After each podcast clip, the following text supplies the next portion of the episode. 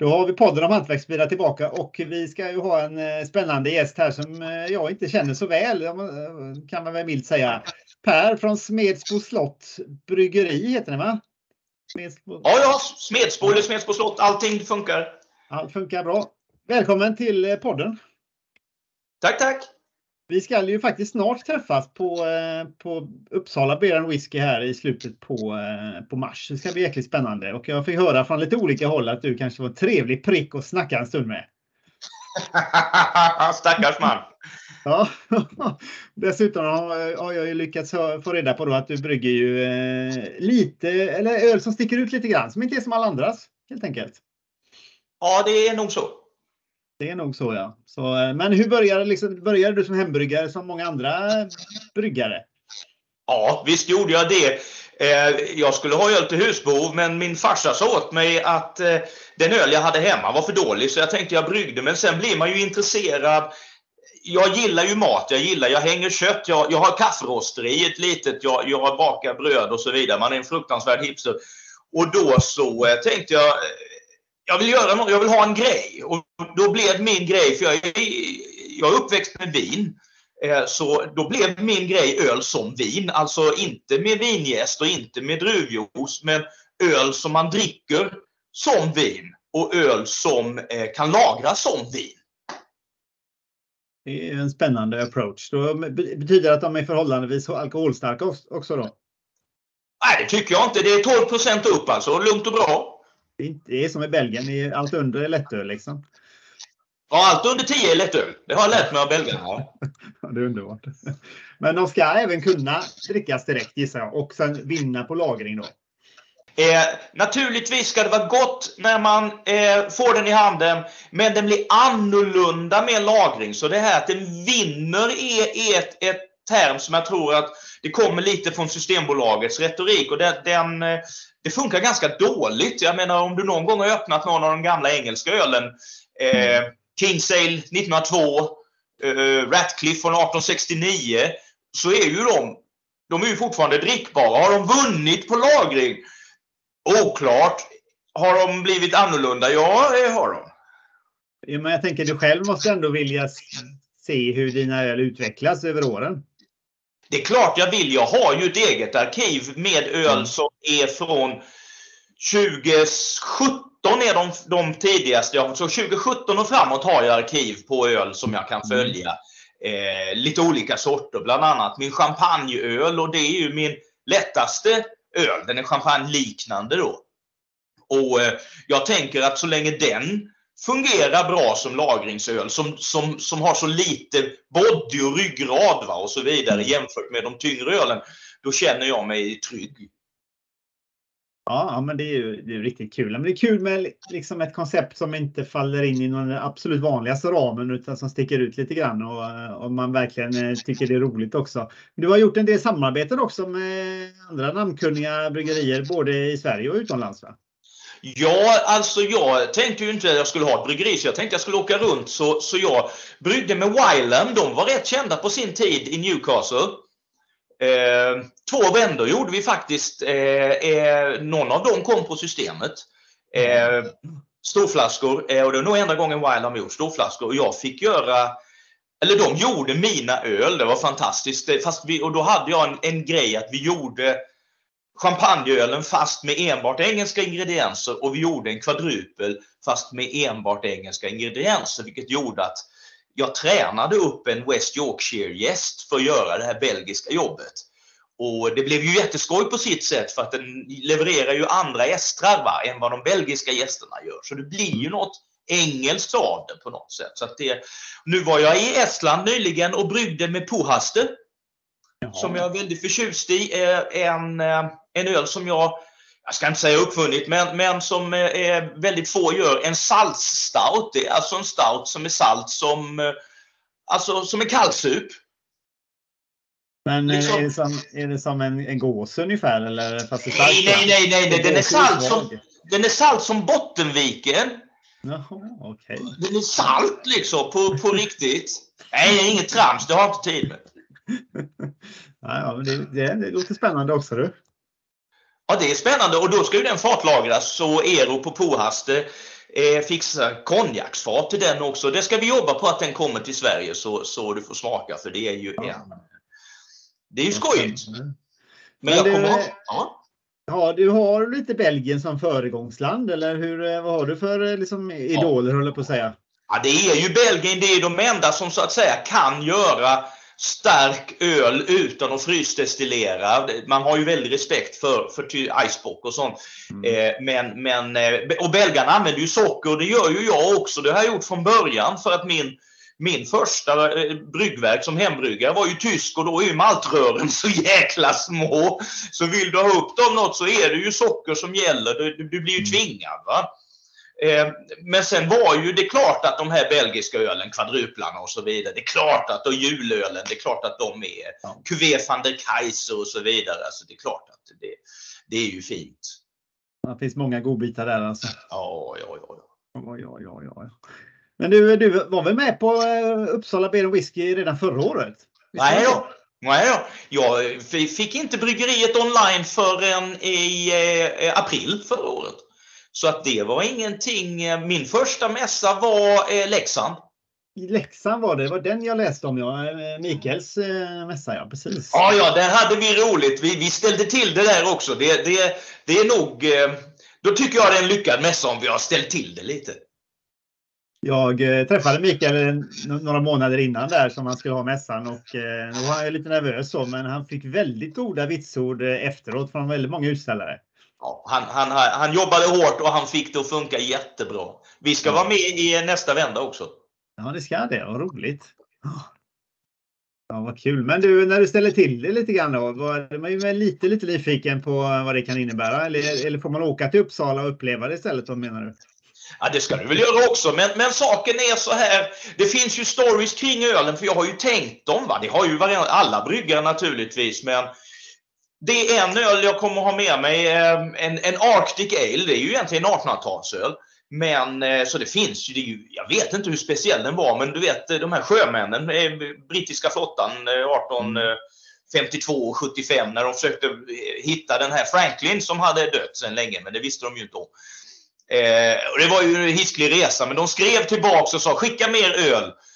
It's, it tastes like liquid steak. Och då, då börjar jag ju undra, vad är liquid steak liksom? Är det något jättesött? Nej, det är det ju inte. Då, då är det, om du inte vet vad en pryssing är så kan du googla fram det. Det är 1500-talets stora exportsuccé, rolig jävle, den är söt. Ja. Eller också är den jättestark. Nej, den var inte jättestark så. Eh, och då tänkte jag, då ska du ju ha som en buljong. Va? Om, du ska, om det ska vara gott vid Nordpolen och där ska det vara som en buljong. Så då, eh, ja, då joxade jag för att, att ge den. Och så den här är egentligen omöjlig att göra på pappret så är den omöjlig att göra. Den finns inte. Eh, så det, det ja, sådana saker. Saltstouten som vi pratade om till Mm. exempel. Eh, Weizenwein är en sak som jag tror jag har uppfunnit. Eh, Jag, skulle, jag hörde att amerikanerna gjorde en, eh, en eh, wheat wine. Mhm. Och då tänkte jag, ja det är ju jätteskoj. Då har du barley wine, så har du wheat wine. Vad är då en wheat wine? Då tänkte jag, men det måste ju vara något ljust. Men starkt och, och sött och fylligt, tänkte jag. Men ljust, vad skojigt! Så då satte jag igång och brygga. Det visade sig att jag ju helt missuppfattat stilen. Så blev det något nytt istället. Så den kommer du att kunna få om det finns någon kvar Weizenwein. 16% alkohol fungerar som ett, ett dessertvin egentligen. Det, låter, det, det låter spännande, det måste jag säga. Ja, ja, men det, jag gör en mjöd också fast utan honung. Alltså utan honung? Ja, det blev lättast så visade det sig. Okej. Ja. Ja, men, men det gör du mjöd i bryggverket liksom? Nej, det är ju då inte en mjöd. Utan saken är att jag upptäckte att vissa stammar av kveikgästerna gav honungstoner. I vissa. Så att, eh, och det lustiga är att jag hade med när jag skulle åka och brygga med Pohasten nu i Estland för några veckor sedan. Så åkte jag förbi Riga, eh, förbi Labietis, en rolig kille. Om du inte har testat Reinis öl så måste du göra det. Ett geni alltså. Eh, så vi ska brygga ihop och han ska använda den här mjödmetoden, alltså så, fast på sina klassiska farmhouse ales från, från, från Lettland. Då. Kan bli hur skojigt som helst. Men en farmhouse ale, de brukar inte vara så rackarns starka. Nej, det får man fixa. Det får man fixa till ja. Ja, det får man fixa. Så det är ju så att historien har ju inte alltid rätt. Till exempel så eh, vitt.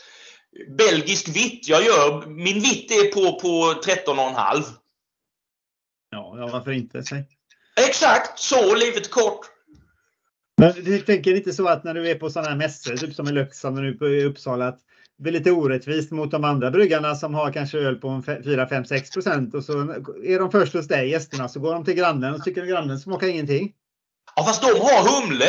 Jag använder inte så mycket humle. Det, du vet, den är dålig i och lag. Men det kommer faktiskt på Uppsala också en... Eh, jag blev lite eh, trött på att jag inte fick vara med i IPA. Eh, leken. Va? Så jag, gjorde, jag har gjort en 14-procentig öl som jag kallar för European Pale Ale. Eh, och knepet där är att den ska vara lagringsbar, va? trots att det är humle. Jaha, och det är okay. enbart europeisk humle. För jag blev så trött mm. på det här att det ska vara amerikanskt och australiensiskt i allting. Mm. Så tänkte jag, all vår fina EU-humle, liksom, var passar den? Så då satte jag igång och brygga för att se var kan jag lägga den i en stark, ljus öl. Så att den inte försvinner över tiden. Och eh, alltså det, en EPA kommer du att få testa. Aha. Så lite humle finns det. Lite humle blir det, men det är inte, inte mycket alltså. Nej, alltså det finns så många andra som gör eh, maxar med humle. Så att, eh, ja, jättegott! Jättegott! Fan, jag älskar IPA. Jag, jag bara gör inga själv. Nej. Men man behöver, alla kan inte göra samma.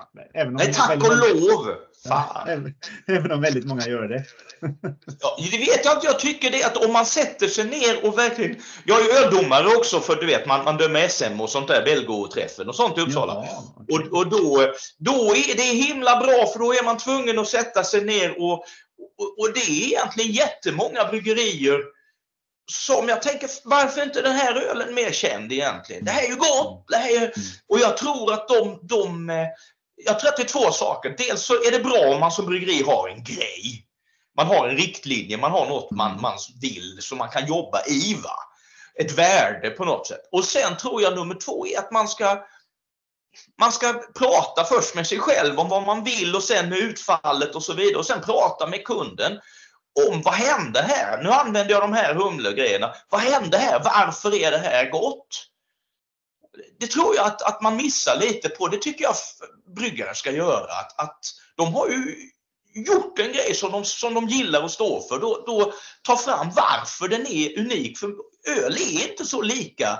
Sätter de bredvid varandra så är de inte så lika. Nej, men det är, den enda feedbacken som många får idag det är ju via den här eh, ratingappen Untapped. Ja, det är ju sant, men jag tror att bryggerierna måste initiera, måste ta tag i att prata om ölen. Liksom, om vad det är de har velat med den. Vad de tyckte blev bra och så. Och skriva det kanske när de lägger ut den på Untapped. Med den här ölen ville vi göra X, Y och Z. Så kanske någon dricker den där ute med lite andra ögon, med en förståelse och sådär. Så jag, jag, tror att det en hel del goda öl i Sverige går lite under radarn, tänker jag. De dricks som öl och det är ju dumt. Det är, lite, eller det är precis det som jag egentligen vill få fram med de här eh, bryggarintervjuerna på scenen där i Uppsala. Att man dels ska få chans att presentera bryggeriet, givetvis känna personen bakom, men också att man har med sig en öl upp och så man förklarar vad ville jag framkalla för känsla med den här ölen när vi gjorde den. Liksom. Jättebra, jättebra tror jag. Att, eh, det ska bli jättekul. Vi körde det i Lund, eh, på Lund Beer Whisky och det var uppskattat så det var kul. Ja, roligt, roligt. Ja, skojigt. Verkligen, verkligen. Det var något mer jag tänkte säga här. Öldomare sa du ja. Vad, är du utbildad eller självlärd? Eller? Nej, alltså Hembryggarföreningen har ju utbildningar i det som man får gå annars. Så, så eh, funkar det inte. Utan alla måste ju ha, vara på samma linje liksom. Och sen så eh, Nej, och sen dömer man liksom när det är sådana, man anmäler sig som domare så och sen blir man tilldelad. Det vet man aldrig vad man får innan. För några år sedan så fick jag internationell lager. Mycket lärorikt alltså. Mycket lä Nej men allvarligt. Mycket lärorikt alltså. Annars kanske man inte tänker på det, men helt plötsligt sitter man där och, och sitter man fyra personer och ska döma 70 internationell lager hembryggda. Då, då, då, då får man ju inte fuska liksom. Nej, då får man fan koncentrera sig på riktigt. Ja, jag tycker det. Och det var roligt. Jag, jag, det, det, man lär sig, eller jag har lärt mig otroligt mycket på det över tiden. Ska du vara med i öltävlingen i Uppsala? Alltså jag vet inte riktigt för att det är ju så fort man ska lämna in öl i de här klassiska, vad heter det, stilarna. Mm. Så stämmer ju aldrig mina öl. Jag har ju alltid för mycket alkohol alltså. Så att det, det tycker jag att det, det, det finns alldeles för lite plats för sådana här Kapten Haddock-öl. Alltså jag tycker det, det, och det, annars får man lämna in det i övrigt. Och så, jag vet inte, jag funderar på att strunta i det och ställa till det på scenen istället för dig. Ja, ja, du är välkommen där. Jag ska vara med som en av jurymedlemmarna i öltävlingen också. Så att, eh. ja, ja, ja, ja, ja då, eh, då kanske, ja. Ja, ja, men jag kanske lämnar in något. Det, jag, jag, jag, jag får se, men det måste ändå kännas vettigt. Förstår du? Att det får vara max 8,5 procent. Jag menar, vad ska jag där och göra? Då kan jag dricka kaffe istället. Nej, nej, nej, jag förstår fullständigt. Det ska ju kännas meningsfullt för dig också. Helt klart. Ja. Man kan göra det för, man kan göra det för att bråka. det, kan man göra. Ja, faktiskt. Nu när du säger. Ja, men det kanske finns en här liksom folkets val eller något sånt där till slut. Då. Någon ja, sån, någon sån pris de, också. Alltså saken är det roliga med en mässa, det är att jag får stå där och prata med människor som dricker ölen och tycker om eller inte tycker om eller vill veta eller känner saker och så vidare. Så det, det, det brukar vara fullt upp och, och återigen, jag lär mig massor på den biten och sen får folket välja vad de vill, tänker jag. Får du mycket nya uppslag och idéer eh, på sådana här mässor när du pratar med din publik? Ja, det får jag när jag ser, jag ser på dem. Vi har alltså haft ett, jag har hällt upp, jag har försökt förklara vad det är och sen ser jag på dem hur det landar. Eh, och, och ibland, egentligen det är när det landar fel eller inte där jag skulle vilja. Då lär jag mig, för då tänker jag, ja okej, okay, bra. Här är något som inte når fram eller var onödigt eller någonting sånt där. Då, mm. då, då går det rakt in i databasen. Det måste det göra. Alltså. Det, det, det är ju, det, de är ju domarna. De är de riktiga öldomarna. Det är ju de som är på mässan. Jo, precis. Det är ju de som du liksom vill, vill charma och som du ska, som ska uppskatta och köpa den ölen en, en till gång. Liksom. Ja, tycka, och tycka något. Den ska träffa dem någonstans. Mm. Som, som en känsla. Då, då är jag som gladast. Liksom. Eh, precis, och det, det, det är svårt ibland som konsument att liksom förstå också vad det är för känsla som vill framkallas. Nu har du kanske öl som sticker ut lite mer än en vanlig ljuslager som du sa, men Eh, men eh, ibland så är det svårt som konsument också att verkligen få allt det där. För det är ju stora sammanhanget och miljön och allting som skapar just inramningen på ölen. Men också konsumenterna eh, ska alltid lita på sig själv. Jag har en kompis som alltid säger att du är expert på din smak.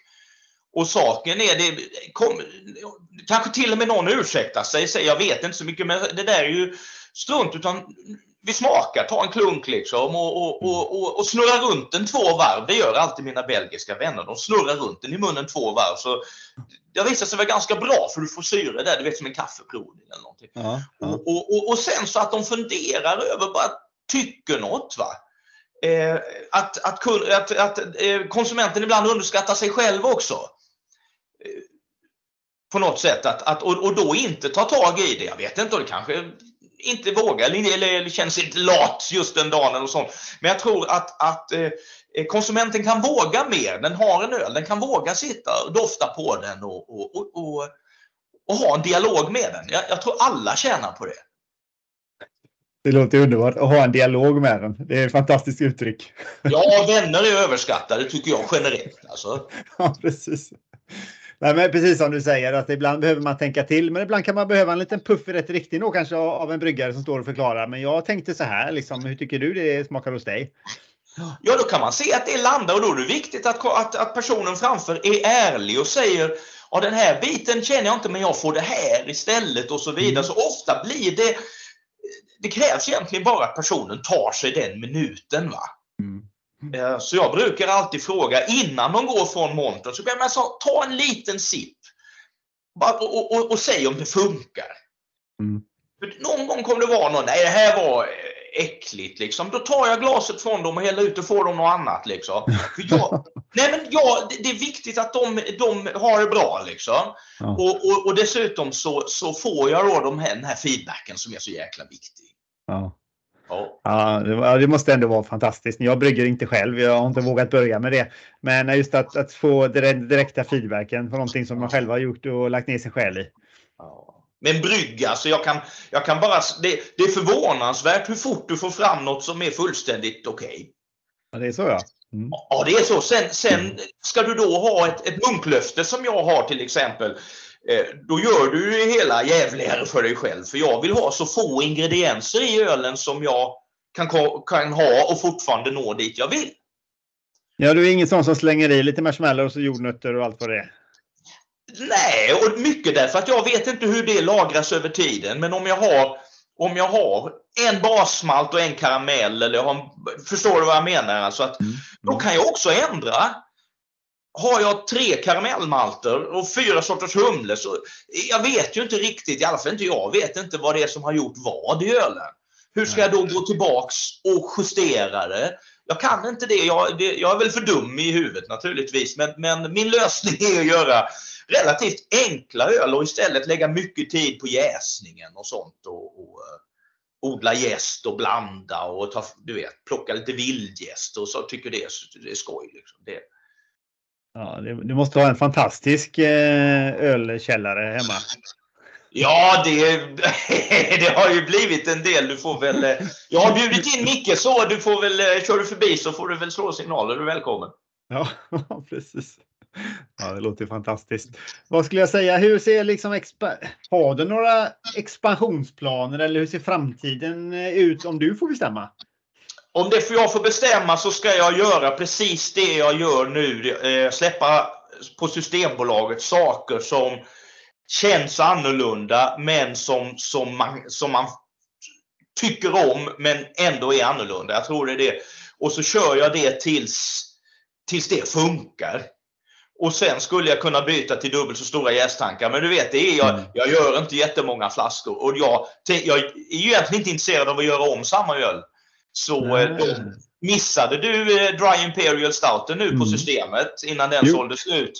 Eh, så ja, den kommer ju inte riktigt igen. Ja, det är ju scheisse alltså. Ja, ja, det, men som sagt var, jag har väl någon flaska kvar. Så. Men, men förutom det så, så nästa sak som kommer, kommer det en Oatmeal Stout med knasigt mycket med lokal havre härifrån. Liksom, kravodlat sådär. Och, och, och så, alltså varje, sen kommer den en Barley så kommer det den här Arcticen jag pratade om. Men sen kommer inte de tillbaks, i alla fall inte på länge. Och då har de säkert ändrats eftersom jag brygger om dem i prototyper här och tar med på mässor. Många av dem jag har med till Uppsala kommer ju inte att finnas i mer än 60 flaskor överhuvudtaget. Och det är ändå det. Det kan ju vara en väg att gå för att skapa liksom hype kanske är fel ord att använda, men ett intresse för det och ett eh, engagemang i liksom, åh, spännande. Jag kanske åker dit och ska prova de här för de kan jag inte få tag i på annat sätt. Nej, så kommer det ju bli. Och det är ju väldigt ledsamt för de som gärna vill lägga in dem på Untapped. Men jag säger gör det. Det är bara det att det kommer att bara vara du och, och din kompis Sture som kan lägga in den för den här. Eller om det finns några flaskor kvar till nästa festival eller något sånt. Men, men, eller någon är på en provning här och så. Men, men jag tycker det, det är filosofiskt korrekt. Livet är flyktigt liksom. Det, det, det här med att sträva efter att göra om. Jag, kan, jag, jag blir lätt uttråkad alltså. Ja, men då, då har du ju kommit till rätt bransch verkar det som nu för att nyhetshets, det finns ju i ölkulturen i Sverige kan man säga. Ja, och så jag bejakade nyhetshetsen. Eh, men samtidigt så, så, så bråkar jag ju med den genom att göra öl som skulle kunna vara traditionella. Jag, Ja, det, alltså, saken är, jag, gjorde, jag gjorde en som jag kallar för Munichen. Det är medeltidsnamnet för München som bara bestod av Münchenmalt och, en- och, och en München alltså, eh, karamell. Det var bara för att hylla Münchenmalten. Va? Och Mhm. jag serverade den för mina tyska vänner och hälften, då sa jag till dem, det här är vad man drack vid hovet i Bayern innan Napoleonkrigen. Jag hittar ju bara på det naturligtvis, men jag vill ju kolla om någon gick på det i den meningen att eh, finns det ett, ett, ett, ett, ett utrymme för, skulle den kunna vara så gammal? Och 50% fattar ju att jag driver med dem och 50% ja det, det skulle det kunna vara. För den är gjord så, den är gjord som en traditionell öl. I och med att jag inte har jordnötssmör i den, Mm, Så- precis. är de, det, det går aldrig att veta om jag har hittat, om jag gör en klassisk stil som du inte har talas om, eller om jag har återupplivat en gammal stil. Jag har gjort en Deutscher Porter, en jättestor ölstil 1700-1800-tal i Tyskland och som dog ut 95, men då var det inte samma. Men det var stora grejer förr i tiden, Deutscher Porter. De, tänk dig då en London Porter, va? det är samma Mm. roast som London Porter. Och det är samma humle som en London Porter, men tyskarna tyckte då att den var för tunn i kroppen för de är vana vid sina maltiga öl. Så det är en London Porter fast med bodyn av en doppelbock. Är fan genialt. Ja. Spännande ju. Och det- En sån, det, det kan vara, eller som det här Arctic Ale, att jag har försökt inspirerat som något gammalt. Då. Så man, man, man vet aldrig det med, med mina öl. Alltså det, Hur, hur har du liksom, har du några regionala samarbeten med, i, i Dalarna med andra bryggerier eller något liknande? Alltså jag har talat med Sylvia på, på, på Oppigårds länge. Men alla är så upptagna så, så att det, det, jag hoppas att man skulle kunna göra något eh, där. Kanske i deras surölsprojekt eh, där, göra någon liten rolig grej. Eh, annars just nu är det, är det ett par restauranger i Avesta och så vidare och Borlänge. Nu ska vi göra en, en Beer Makers Dinner.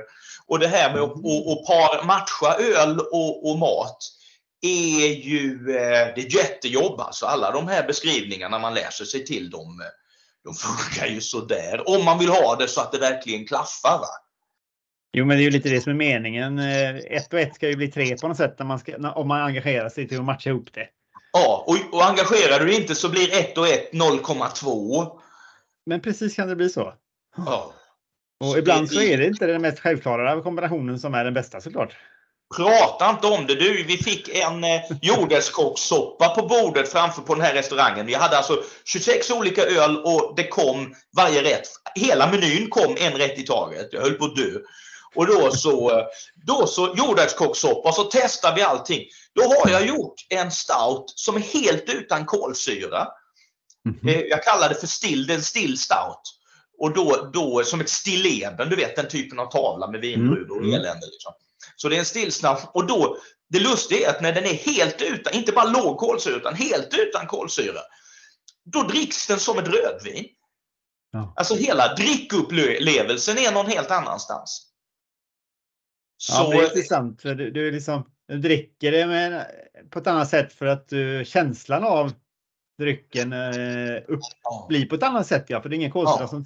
Ja, just det. Ja. Spännande. Och smak. Och, och du vet syran sänker ju pH och, och gör grejer och lyfter vissa lätta aromer och, och drar ner vissa tyngre och så. Det där är ju väck. Va? Hela den dynamiken är ju väck. Så då sitter man där med en jordärtskockssoppa och så tar man en klunk eh, stillstout och så tänker man ja, ja. Och det gick inte att räkna ut. Det finns ingen möjlighet att räkna ut det. Jag trodde den här champagneölen, den kommer att passa till allt. Den passar fan inte till någonting utom någon glass. Nej, det här måste man vara ödmjuk inför. Alltså. Ja, ja det, det, men det är spännande. Jag kan tycka att det är lite, li, läggs lite för lite fokus på kombinationen öl och mat i, i Sverige idag. Här. Ja, men det är också därför att den måste göras på marken. Du, måste, du kan börja med en, en, ett, ett recept och en matchning och sånt. Va? Men när du ska laga det receptet så kommer det inte att bli samma. Det blir inte samma. Och då får du laga den en gång och testa med den ölen. Och sen får du antagligen laga om rätten. Och då, så det är inte, här är inte omöjligt, men den här, den här snabba lösningarna Ja. Ja, jag är, det, det, jag är för dum för det i alla fall. Alltså, det är säkert någon som vet hur man gör, men, men det där är... Vill du ha det sådär riktigt, riktigt bra, du vet sådär Mm. trestjärn Michelin-krog bra. Mm. Då får man sätta sig ner och kavla upp ärmarna. Men det är ju det som är skoj, så att jag tror, åt, jag tror bara om, om, om man tar sig besväret så kommer det att kunna blomma öl och mat-pairings i, eh, i, i Sverige hur mycket som helst. Men man måste sätta sig ner. Jag menar för det är extremt sällan, eh, i alla fall vad jag vet, som du kan köpa ett ölpaket till en, en meny. Som du gör med vinpaket liksom. Franzén har det tror jag. Jaha. På någon av sina. Frå- Fråga mig inte vilken. Men det, men det, och de har inte gjort det lätt för sig för jag har för mig det var en IPA med där också. Och de, de humliga ölen är ju inte lätt alltså. Det, det får vara en jäkligt fyllig hamburgare med mycket, mm. alltså, men annars, det, det hemska sanningen tror jag är att den nordtyska pilsnern har all humle du behöver för att äta mer mat egentligen. Så att all humle över det verkar vara inte lätthanterad om jag uttrycker mig milt. Nej, men det finns ju många jag menar, det finns ju många ölstilar som inte har så mycket humle precis eh, och eh, de är ju perfekta då att matcha eller försöka matcha i alla fall. Ja, ja exakt så. Och, men som man ska göra, jag tycker det man skulle samla sig om man har vänner och, och, och, och har satt en meny om man är så avancerad eller, eller tre rätter man tycker om att mm. laga tillsammans eller någonting. Och sen dels försöka läsa sig till vad ska man, eh, vad ska man ha till det. Men verkligen laga det och inte bara skjuta upp det utan göra en testvända. Jag tror man skulle ha väldigt skoj och många skulle bli väldigt förvånade på hur du spelar ut. Liksom. Ja, det, det tror jag verkligen. Ja. Ja, det är fascinerande. Du, vad, vad, kan vi säga nu för att locka lite publik till, till mässan i Uppsala här nu då? Ja, alltså det är Smäss på slottet där och det är ju, vi är ju ett eh, enmanskollektiv. Det är ju rena cirkusen naturligtvis smakmässigt. 15 olika öl kan det komma att bli och många av dem får ni aldrig smaka igen. Du vet, ta 10 flaskor av varje 15 sorter och så, så, eh, så kom dit och få smaka något ni kanske aldrig har smakat förr och kanske aldrig får smaka igen. Är inte det skoj då? Det är, alltså, den är svårslagen den, eh, den teasern. Ja, livet är kort är alltid en bra, eh, för alla fattar att det är så, alltså, om man inte är väldigt ung. Ja, ja, precis. Nu börjar man komma upp så i åren så man inser att eh, det finns ett slut någon gång. Ja, men man ska ta vara på det. Det är det man inser. Man inser att, att kan man gå på en mässa som Uppsala och dricka alla dessa roliga saker och ta sig runt. Eh, så då, då, för en sak som, som Micke gjorde bra och, och det är att man skickade in ölen i förväg. Eh, mm. med en liten beskrivning på. Mm. Så att eh, man, eh, personer kunde sitta i förväg och säga oh, den här skulle jag vilja pröva, den här skulle jag vilja pröva. Den här skulle jag Jaha, det var spännande. Så de hade suttit hemma liksom och gjort en liten lista. Någon ville ha det här och någon ville ha Imperial Stout och någon ville ha det. Men det hade de kollat innan så att de kom med sin lilla, här skulle jag vilja pröva ett och två och tre. Liksom. Vad smart. Det har inte jag varit ja, med om innan. Det var smart. Jag var inte beredd på det för det var ingen som hade förklarat det för mig. Men eh, jag förstod ganska snart vad det var som hände. då, då tänkte jag yes, det här var ju jättebra. Annars går du fram till ett stånd och säger jaha, vad har vi här? Jo du! Ja, det här var skoj. Man skapade lite förväntningar på ölen innan. Faktiskt. Så ett, ja, lösblad, var... ett lösblad, eller något på nätet först och ett lösblad i entrén. Så kan de kryssa och dona och skriva vad de tyckte. Jätte, jätteskoj. Alltså. Ja, faktiskt. Ja, det var ingen dum idé. Undrar om eh, Fredrik och grabbarna på eh, Uppsalamässan har tänkt på det, men vi får väl se. Ja, ja, vi får se. Alltså, annars, är det, annars är det skoj liksom. Ja, verkligen. Har du några andra bryggeriers eh, öl som du vet kommer dit som du är lite sugen på att testa? Alltså jag har, du, nämn några som kommer dit så ska jag berätta vilka öl jag tycker om för jag har fanken inte kollat för det, det är eh, jag håller på så himla mycket. Kan du nämna någon som kommer dit? Ja, men alltså en som har lite Belgotema då, det är Lövsta bruk.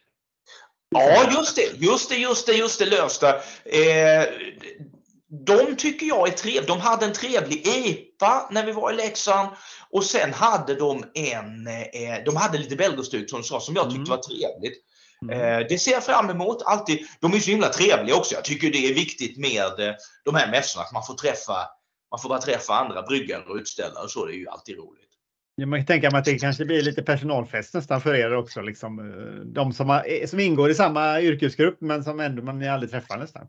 Ja, det, det får jag hoppas höll jag på att säga. Men det är en väldigt trevlig bransch. Folk är väldigt mm. generösa och, och, och, och givmilda och, och liksom glada. Men vad väntar du dig av en yrkesgrupp som smakar sin första öl klockan 10 på morgonen? Liksom? Ja. Nej, men jag måste säga, jag, det lilla som jag har varit med, eh, om man nu kan man säga att man är med överhuvudtaget, men otroligt inkluderande och vänligt. Ja, ja det måste man säga. Och det är härligt att vara där och det är allt man kan gå fram till vem som helst och, och fråga något dumt. Jag tycker alltid, det är min rekommendation till både bryggare och konsumenter på mässan, besökare. Det är, fråga något dumt, gå rakt fram, fråga något dumt. Mm. det, det smarta frågor är alltid jobbiga. Liksom. Men, men en, en, dum fråga är, öppnar ofta upp massa snack och roligheter. Och... Ja, det är kul. Det är kul. Eh, sen vet jag att eh, jag har för mig att Stallhagen från Åland, va? Vill jag minnas. Eh, ja. kommer också.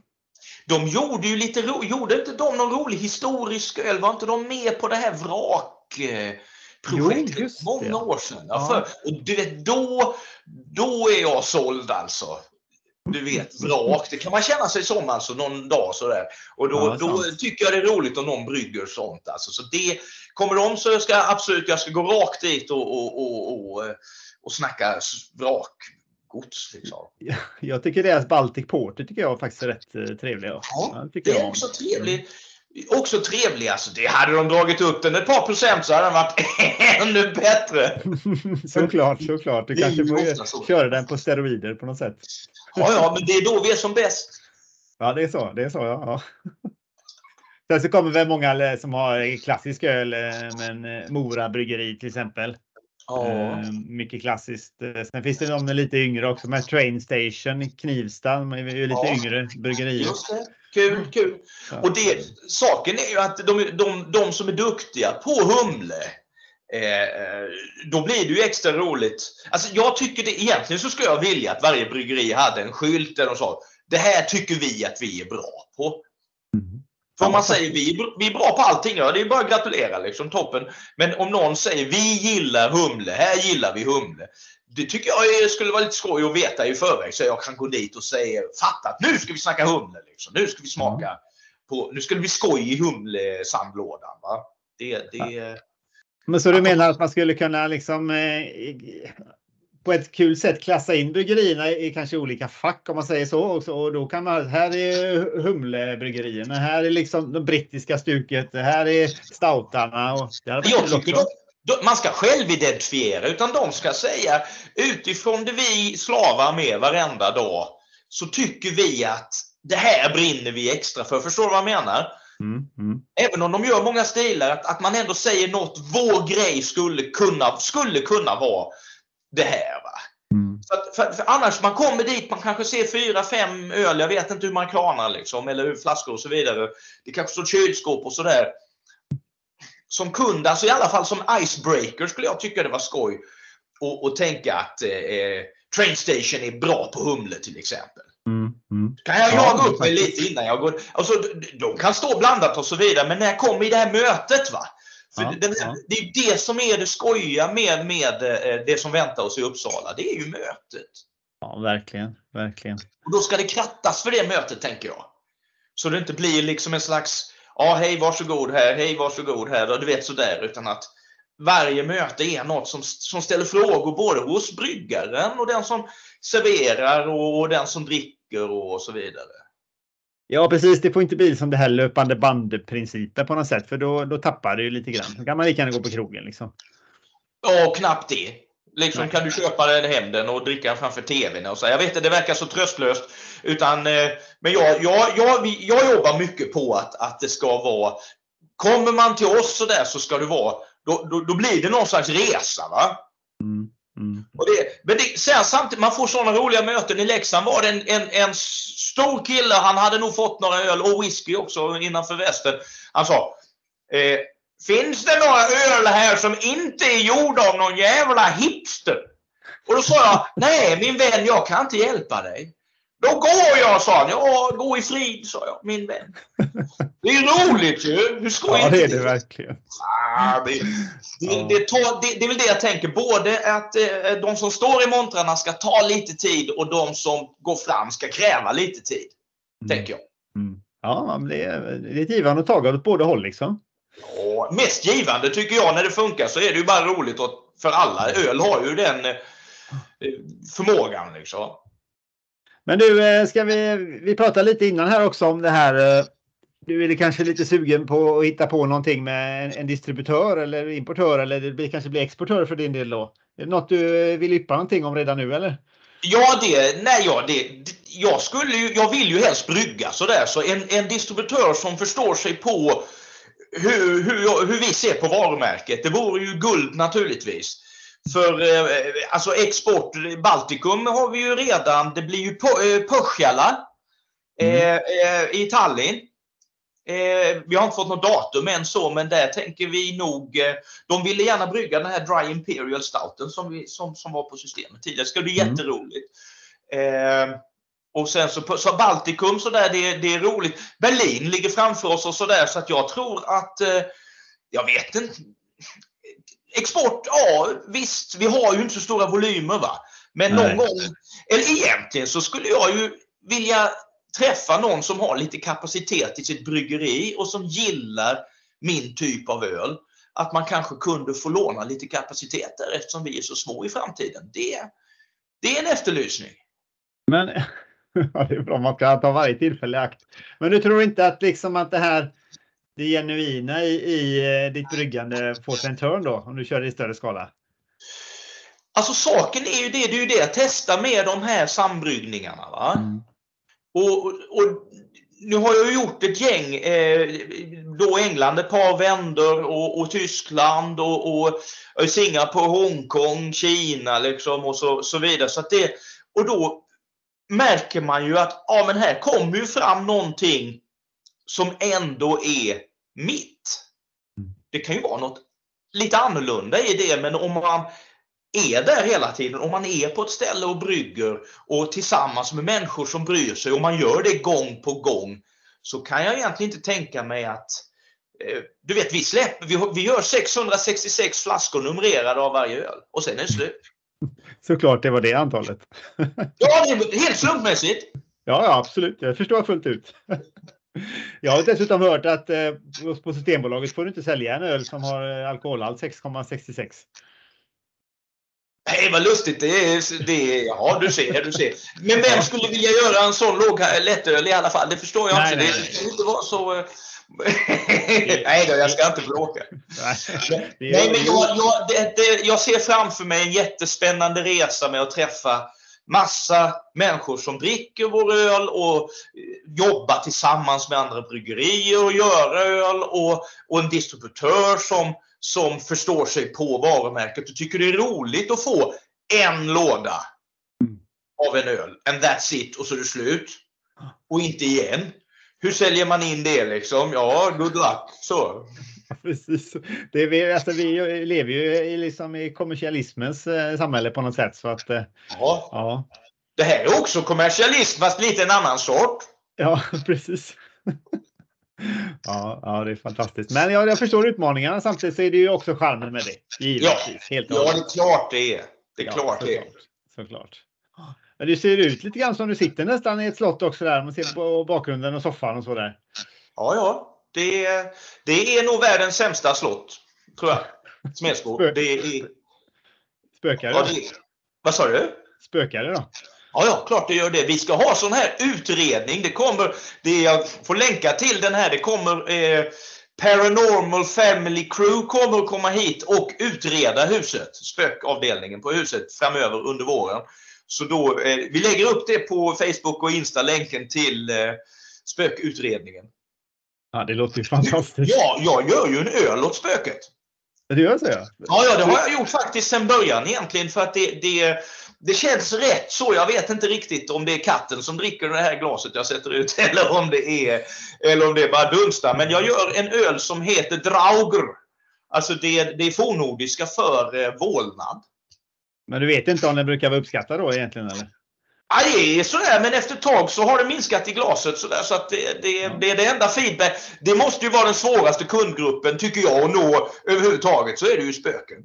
Ja, de är ju duktiga på att hålla sig undan liksom. Ja, ibland och ibland blir det ett jävla liv liksom. Men vi får se den här utredningen, utredningen du får se så de har infraröda och allt möjligt. Oj, oj, oj, oj. oj. Ja. Jag kan ju ana att du nästan kommer eh, fixa några spöken annars. Nej, så, nej, nej, nej, det här måste... Det, det är likadant som med ölen. Liksom. Det måste vara på riktigt. Det måste vara på riktigt. Alltså jag tänker med det, man har fått öl som är inte på riktigt. Och då vet man, ta, ta ett lätt exempel, elefantöl. Mm. Den är inte på riktigt. Den är det, det, det är industrisprit i en hoff liksom, eller något sånt där. Och det är inte på riktigt. Så därför menar jag att eh, nej, det tycker jag att både för ens egen skull och för, för eh, eh, eh den som står framför er vid, på, på Uppsalamässan där. Det man häller i glaset, det ska vara på riktigt. Mm. Annars blir det ju gott meningslöst. Speciellt, vår öl är ju inte världens billigaste heller. Nej, men, men så är det ju. Men eh, du får ju en upplevelse som inte är helt eh, ordinär heller. Nej, precis. Och en engångsgrej om du inte den flaskan och det numret och den flaskan, det är det numreringen tycker jag gör. Den visar att då har du nummer 263 så eh, när du har druckit ur den så finns inte flaska 263 längre. Eh, kan det bli samlarobjekt på de här tomglasen tror du? Nej, det vet jag inte. Det vore roligt i så fall. Men jag tycker det viktigaste är egentligen att det finns människor som gärna hör av sig och berättar och så vidare. Och som tar sig besväret att när vi släpper något, när vi släpper något så finns det eh, så är de intresserade av att få tag på en, två flaskor av det. Mm. Att det är på något sätt viktigt för dem att de tycker det är roligt. Mm. Eh, att, det är, att det är liksom kontinuerligt på något sätt. Det skulle jag tycka var jätteskoj. Snarare det än tomflaskor tycker jag verkar roligare. Alltså. Ja, det kanske finns roligare saker att samla på en tomglas. Ja, fulla flaskor till Fulla glas, ja. ja. Fast man vill ju njuta av det också. Ja, ja absolut, absolut. Ja, något mer du vill tillägga? Annars tänker jag att vi nästan ska ta runda av här. Alltså jag kan ju hålla på hur länge som helst, men det förstår ju du också. Så eh, jag säger nog bara det att jag ser fram emot eh, mässan. Och jag, jag eh, ska, varenda person som vågar sig fram till oss, varenda person som vågar sig fram till oss ska få en upplevelse, det kan jag lova. Och jag ser fram emot en upplevelse på scenen med dig också Uppsala. Ja, då ska jag ställa till det. Stackars man alltså. Ja, ja, du har valt det själv. Ja, det är så. Det är så. Ja. Ja, ja. men vi, kör, vi kör på det så tackar vi. Ja, det gör vi. Tusen tack för att du ställde upp här. Ja, det var roligt. Roligt att snacka och så ses vi. Ja, verkligen. Det gör vi. Gott.